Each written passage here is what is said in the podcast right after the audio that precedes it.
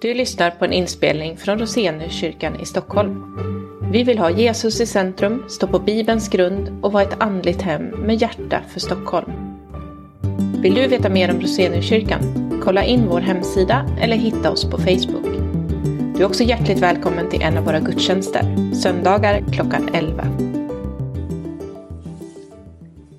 Dagens gammaltestamentliga text kommer från Första Mosebok 15, verserna 1 till 18. Därefter kom Herrens ord till Abraham i en syn. Han sa, var inte rädd Abraham, jag är din sköld, din lön ska bli mycket stor. Men Abraham sa, Herre, Gud, vad ska du ge mig? Jag går ju bort barnlös och arvinge till mitt hus är Eliezer från Damaskus. Och Abraham fortsatte, se, mig har du inte gett någon avkomling, så det blir en av mitt husfolk som ärver mig. Men Herrens ord kom till honom, det är inte han som ska ärva dig, en som kommer från din egen kropp ska bli din arvinge. Sedan förde han honom ut och sa, se upp mot himlen och räkna stjärnorna om du kan räkna dem. Och han sa till honom, så ska din avkomma bli. Och Abraham trodde på Herren och han räknade honom det till rättfärdighet. Sen sa han till honom, jag är Herren som har fört dig ut från det kaldeiska ur för att ge dig detta land till arvedel. Han svarade, Herre Gud, hur ska jag veta att jag kommer att ärva det? Då sa han till honom, hämta åt mig en treårig kviga, en treårig get, en treårig bagge, en turturduva och en ung duva. Han hämtade alla dessa åt honom, styckade dem mitt i tu och la styckena mot varandra, men fåglarna styckade han inte. Rovfåglar slog sig ner på de döda kropparna, men Abraham drev bort dem. När solen höll på att gå ner föll en tung sömn över Abraham. Då kom skräck och ett stort mörker över honom. Och Herren sa till Abraham, du ska veta att dina efterkommande ska bo som främlingar i ett land som inte är deras, där man ska göra dem till slavar och förtrycka dem i 400 år. Men det folk som gör dem till slavar ska jag döma. Sen ska de dra ut med stora ägodelar. Men du själv ska gå till dina fäder i frid och bli begravd vid hög ålder. I fjärde släktledet ska de återvända hit, för amorena har ännu inte fyllt sina synders mått. När solen hade gått ner och det blivit alldeles mörkt syntes en rykande ugn med en brinnande fackla som gick fram mellan köttstyckena. På den dagen slöt Herren ett förbund med Abraham och sa, åt dina efterkommande ska jag ge detta land, från Egyptens flod ända till den stora floden, floden Eufrat. Så lyder Herrens ord. Gud, vi tackar dig. Ja, herre, tack för ditt ord. Hjälp oss nu att förstå och tro det du säger till oss idag. Amen.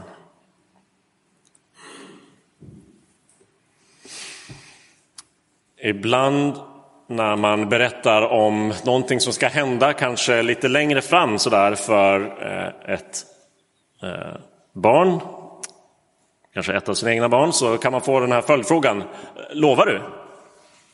Och det avslöjar ju att ibland säger man saker som man inte riktigt lever upp till och levererar. Man säger allt möjligt som man kanske har för avsikt att göra och så blir det inget av och så vill barnet vara extra säkert på att nu är det på riktigt. Målsättningen för mig som pappa är att de inte ska behöva ställa den där frågan, men den kommer ibland. Lovar du? Och ibland så behövs verkligen uttalade löften. Och ibland behövs till och med ceremonier som visar att löftet är konkret, att det är eh, något som man verkligen kommer att göra allt för att hålla. Och en sån ceremoni möter vi i den eh, del av, eh, i, den, eh, i det avsnitt vi precis har läst om Abraham. Abraham levde för ungefär 4000 år sedan och våra liv är ganska annorlunda om vi skulle jämföra vårat och Abrahams. Men våra liv är samtidigt länkade med varandra genom det Gud lovade Abraham och det Gud har lovat oss. Och genom Abrahams gensvar på Guds löften, hans tro. Alla som tillhör det judiska folket räknar Abraham som sin far, som sin förfader så att säga.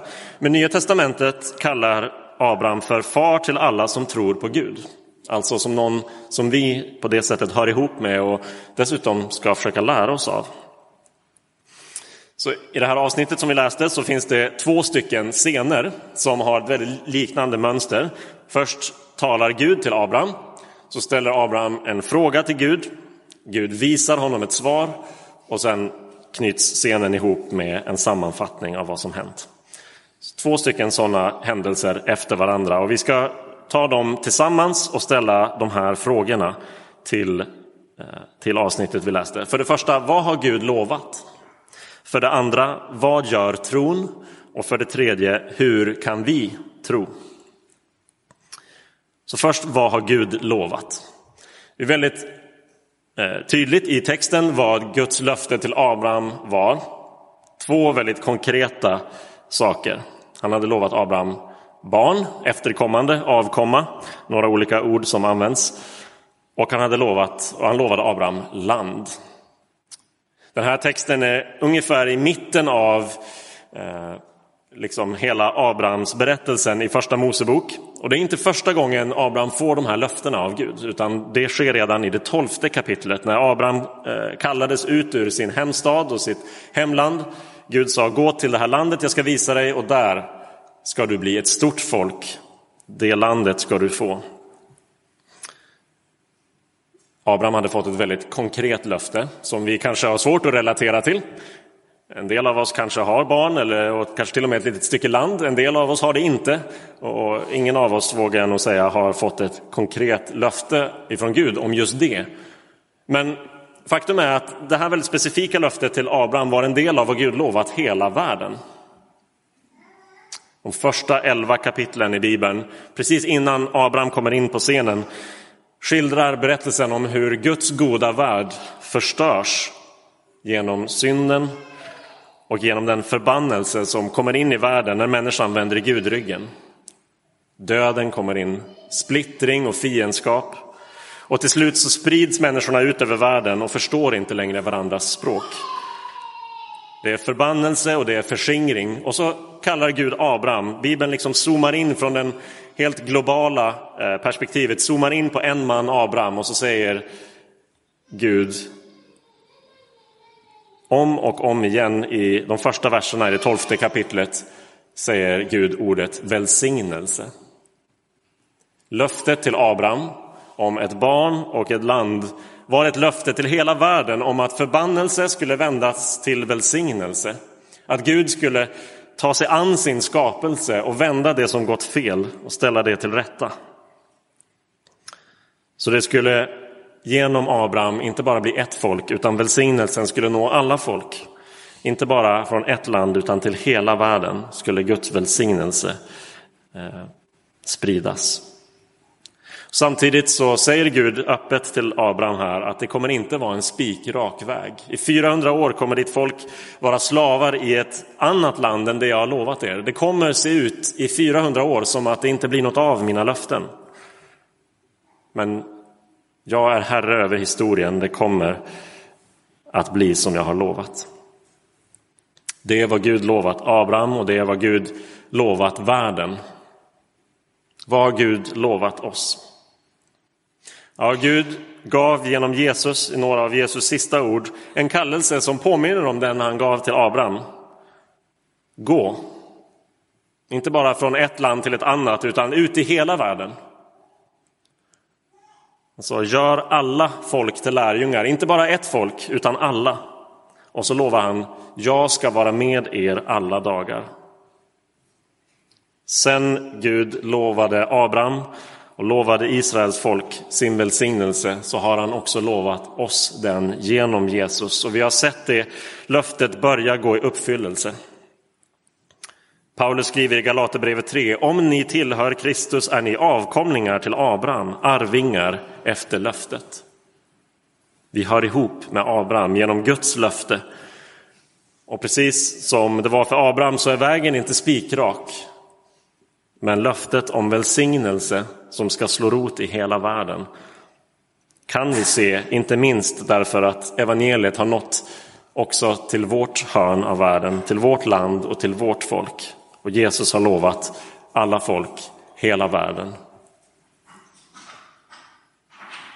Det är vad Gud har lovat.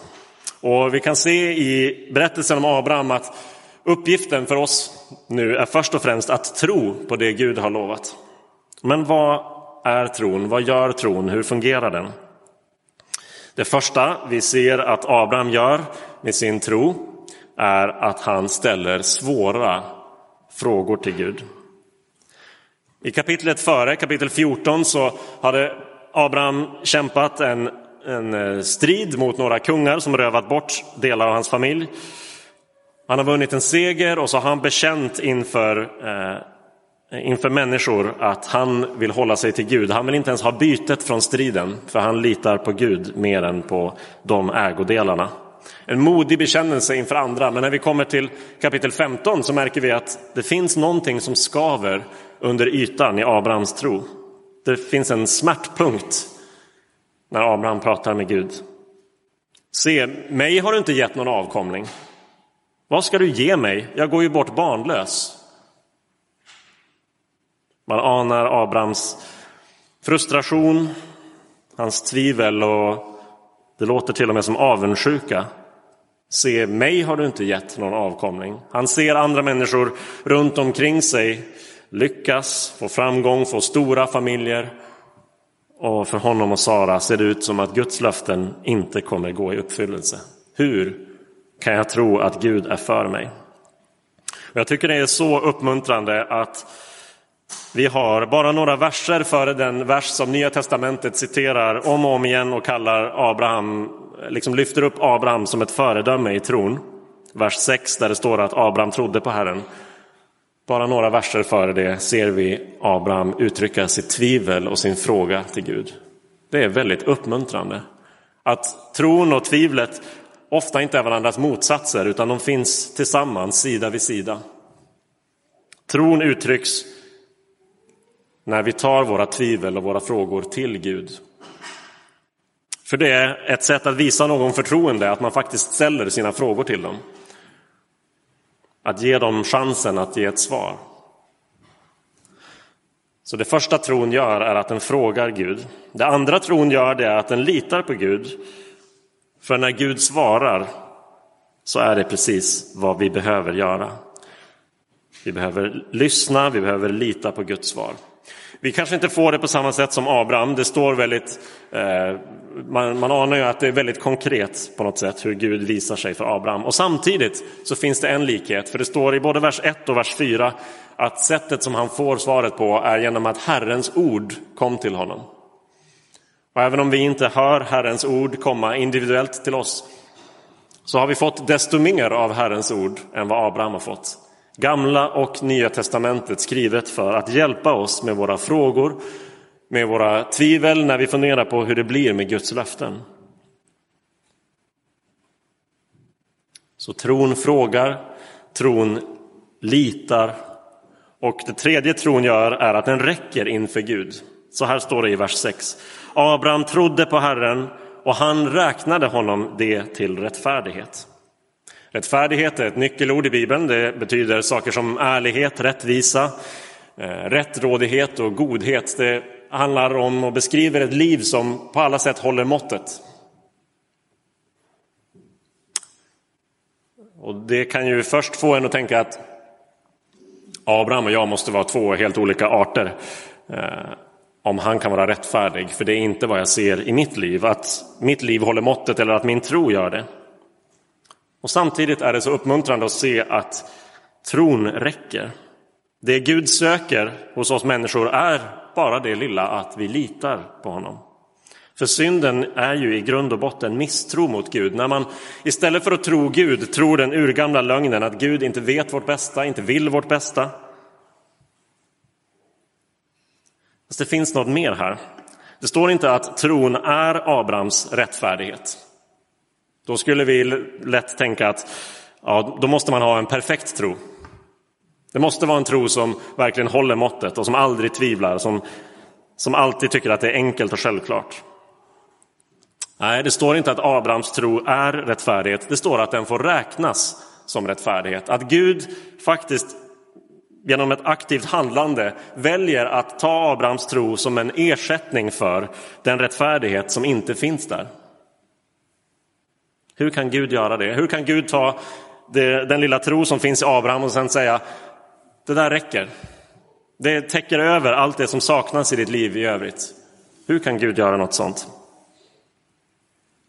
Vi kommer strax få en ledtråd när vi läser vidare. Men här och nu så behöver vi stanna upp och fråga oss själva. Var är min smärtpunkt i tron? Människor kanske ser mig gå till kyrkan, kanske på ytan tycker att det här verkar vara en person som har lätt för att tro. Och så kanske det finns någonting i ett hörn av vårt hjärta som är lite likt det Abraham bär på, som säger vad blir det av det du har lovat Gud? Vad blir det av dina löften och din godhet? Låt inte den smärtpunkten föra dig längre bort från Gud, utan närmre. Genom att faktiskt tala med, prata med Gud om den. Och lyssna in och lita på Guds ord. Sök svaret och lita på det. Men försök inte bara lägga locket på och låtsas som att den där punkten inte finns. För tron tvivlar och frågar, sen lyssnar och litar den. Och så räcker den inför Gud. Men det leder oss till den avgörande frågan då. Hur kan vi tro? Hur kan vi tro? Om det är svårt, vad ger Gud oss för hjälp? När vi inte tycker att det är lätt att tro, när tvivlen och frågorna kanske tycks ta överhanden. Det första vi ser är Guds pedagogik. Gud är så eh, varsam och så god mot Abraham. Han säger kom ut ur tältet där du är. Titta upp mot himlen. Kan du räkna stjärnorna? Psalm 147 och Jesaja 40, båda kapitlen innehåller verser som säger att Gud inte bara kan räkna stjärnorna, han kan dessutom namnen på dem alla. Samma pedagogik har Gud gett oss idag. Skapelsen och för den delen också sakramenten. Saker som är synliga, saker som är påtagliga, som syns, hörs, har en doft och en smak för att tala till oss, inte bara abstrakt och intellektuellt utan som fysiska, konkreta, kroppsliga varelser. Jag är här, jag är för dig. Se skapelsens storhet. Kan du räkna stjärnorna? Absolut inte. Särskilt inte med alla teleskop vi har nu. Och de blir bara fler och fler. Men Gud kan det. Så Guds pedagogik hjälper oss att tro på honom. Guds gradvisa uppfyllelse av sina löften hjälper oss att tro på honom. Ja, även Abraham fick se lite grann av de här omfattande löftena gå i uppfyllelse. Han fick Eh, han fick en son till slut. Han fick ett litet stycke land där han kunde begrava sin fru. Och sen kom Israels folk, de första läsarna av den texten vi läste nu. Och de kunde läsa om Guds löften eh, flera hundra år tidigare till Abraham och så kunde de se sig omkring och se alla tältande grannar de hade och konstatera. Se, Guds löfte har börjat gå i uppfyllelse. Vi är kanske inte som sandkornen eller som stjärnorna på himlen, men vi har blivit ganska många. De kunde läsa versen Jag är Herren som har fört dig ut. Där de får spegla sig i Abrahams liv och minnas Gud har fört oss ut också. Och så kunde de få hjälp och tro på löftet om att de också skulle få inta landet som Gud lovat. För oss finns det ännu mer av gradvis uppfyllelse. Vi ser inte än att all världens förbannelse vänts till välsignelse. Men vi har sett Abrahams son, inte bara Isak utan Abrahams son Jesus. Och vi har faktiskt själva fått bli Abrahams barn. Därför att evangeliet har nått inte bara Kanans land utan ända upp till, vår, till vårt lilla hörn här i Sverige. Så hjälpen att tro får vi genom Guds pedagogik, genom Guds gradvisa uppfyllelse av sina löften. Men den största hjälpen att tro får vi genom den här märkliga ceremonin där Gud intygar att han kommer att satsa allt för att hålla sina löften. Det konstiga som händer från vers eh, 7 och framåt, där Abraham får instruktioner att hämta diverse olika djur, slakta, stycka dem, positionera dem på ett visst sätt. Det verkar jätte, jättekonstigt för oss. Våra liv är som sagt lite annorlunda. Men på den här platsen i den här tiden så var det här en vedertagen ceremoni för att ingå ett förbund. Vi har hittat andra källor från folk, omgivande folk från Abrahams tid som hade liknande exempel. Och vad den här ceremonin betyder är att när några eh, parter, ofta kungar, skulle ingå ett avtal eller ett förbund med varandra så styckade man djur på det här sättet och så tågade man tillsammans mellan djuren för att liksom på ett konkret fysiskt sätt säga till varandra om jag inte håller min del så ska det gå med mig som de här djuren som vi går mellan. Det var inget konstigt som hände för Abraham Åtminstone inte så länge han höll på att stycka djuren och förbereda ceremonin. Det konstiga som händer är när vi ser vem är det som går mellan styckena. Det borde vara både Abraham och Gud, eller så borde det vara bara Abraham. För det är faktiskt Gud som får ställa upp villkoren för förbundet. Det märkliga och det överraskande för Abraham som var där och för de som läste om det här först är att det bara är Gud i formen av den här facklan som vandrar mellan, djur, eh, mellan de styckade djurkropparna så att Gud, kan vi säga, säger det här. Jag garanterar personligen att mitt förbund står fast och om det av någon anledning skulle brytas så ska det gå med mig som med de här kropparna. Då är det jag, min kropp, som ska brytas sönder. Och här är ledtråden till hur vi får hjälp att tro, nämligen att se på Jesus. Därför förbundet som brutits av oss bröt Jesu kropp. Det Gud lovade när han vandrade mellan styckena gick i uppfyllelse när Jesus gick till Golgata kors, inte för att Gud hade brutit förbundet, utan därför att vi människor hade gjort det. Misstrott Gud, vänt Gud ryggen, glömt Gud, hur vi än vill formulera det. Och det här är svaret på frågan om hur Gud kan gå tillväga när han låter den lilla tro som finns i oss bli som en ersättning för all den rättfärdighet och all den godhet som saknas i våra liv. Därför att Jesus tog förbundets förbannelse kan vi få välsignelsen som är lovad en dag till hela världen men som redan nu kan bli vår om vi bara tror på Jesus då räknas det till rättfärdighet. Det räknas som att Jesu rättfärdighet är vår, därför att Gud sa om förbundet av någon anledning bryts ska det gå med mig som det har gått med de här djuren. Så Gud kan vi se här håller sina löften. Vägen är inte spikrak. Det kan se ut i flera hundratals år som att Gud inte gör något av sina löften. Det var precis vad han sa till Abraham. Var beredd på att det inte kommer se ut som det. Vägen är inte spikrak, men Gud känner den. Straffet och smärtan när förbundet inte hålls, den har Gud redan tagit på sig i Jesus. Och därför finns det kraft i tron. Inte för att vår tro är särskilt stark, men för att den vi tror på är det. Vi ber. Gud, tack för att du lovar och levererar. Tack för att du ingår förbund och ger förpliktelser fast du inte är skyldig någon av oss någonting. Tack för att du lovat att ta dig an den skapelse som är så sårig, som är så full av förbannelsen och döden. Tack att du lovat att vända det till välsignelse. Och tack att du gör det på ett sådant sätt att vi aldrig behöver tvivla på din kärlek och din godhet. Därför att du själv kom och tog förbannelsen på dig i Jesus. Gud, du ser var i våra hjärtan det verkar och smärtar därför att vi har svårt att tro på dig, svårt att känna som att du är för oss, svårt att lita på att du verkligen älskar oss.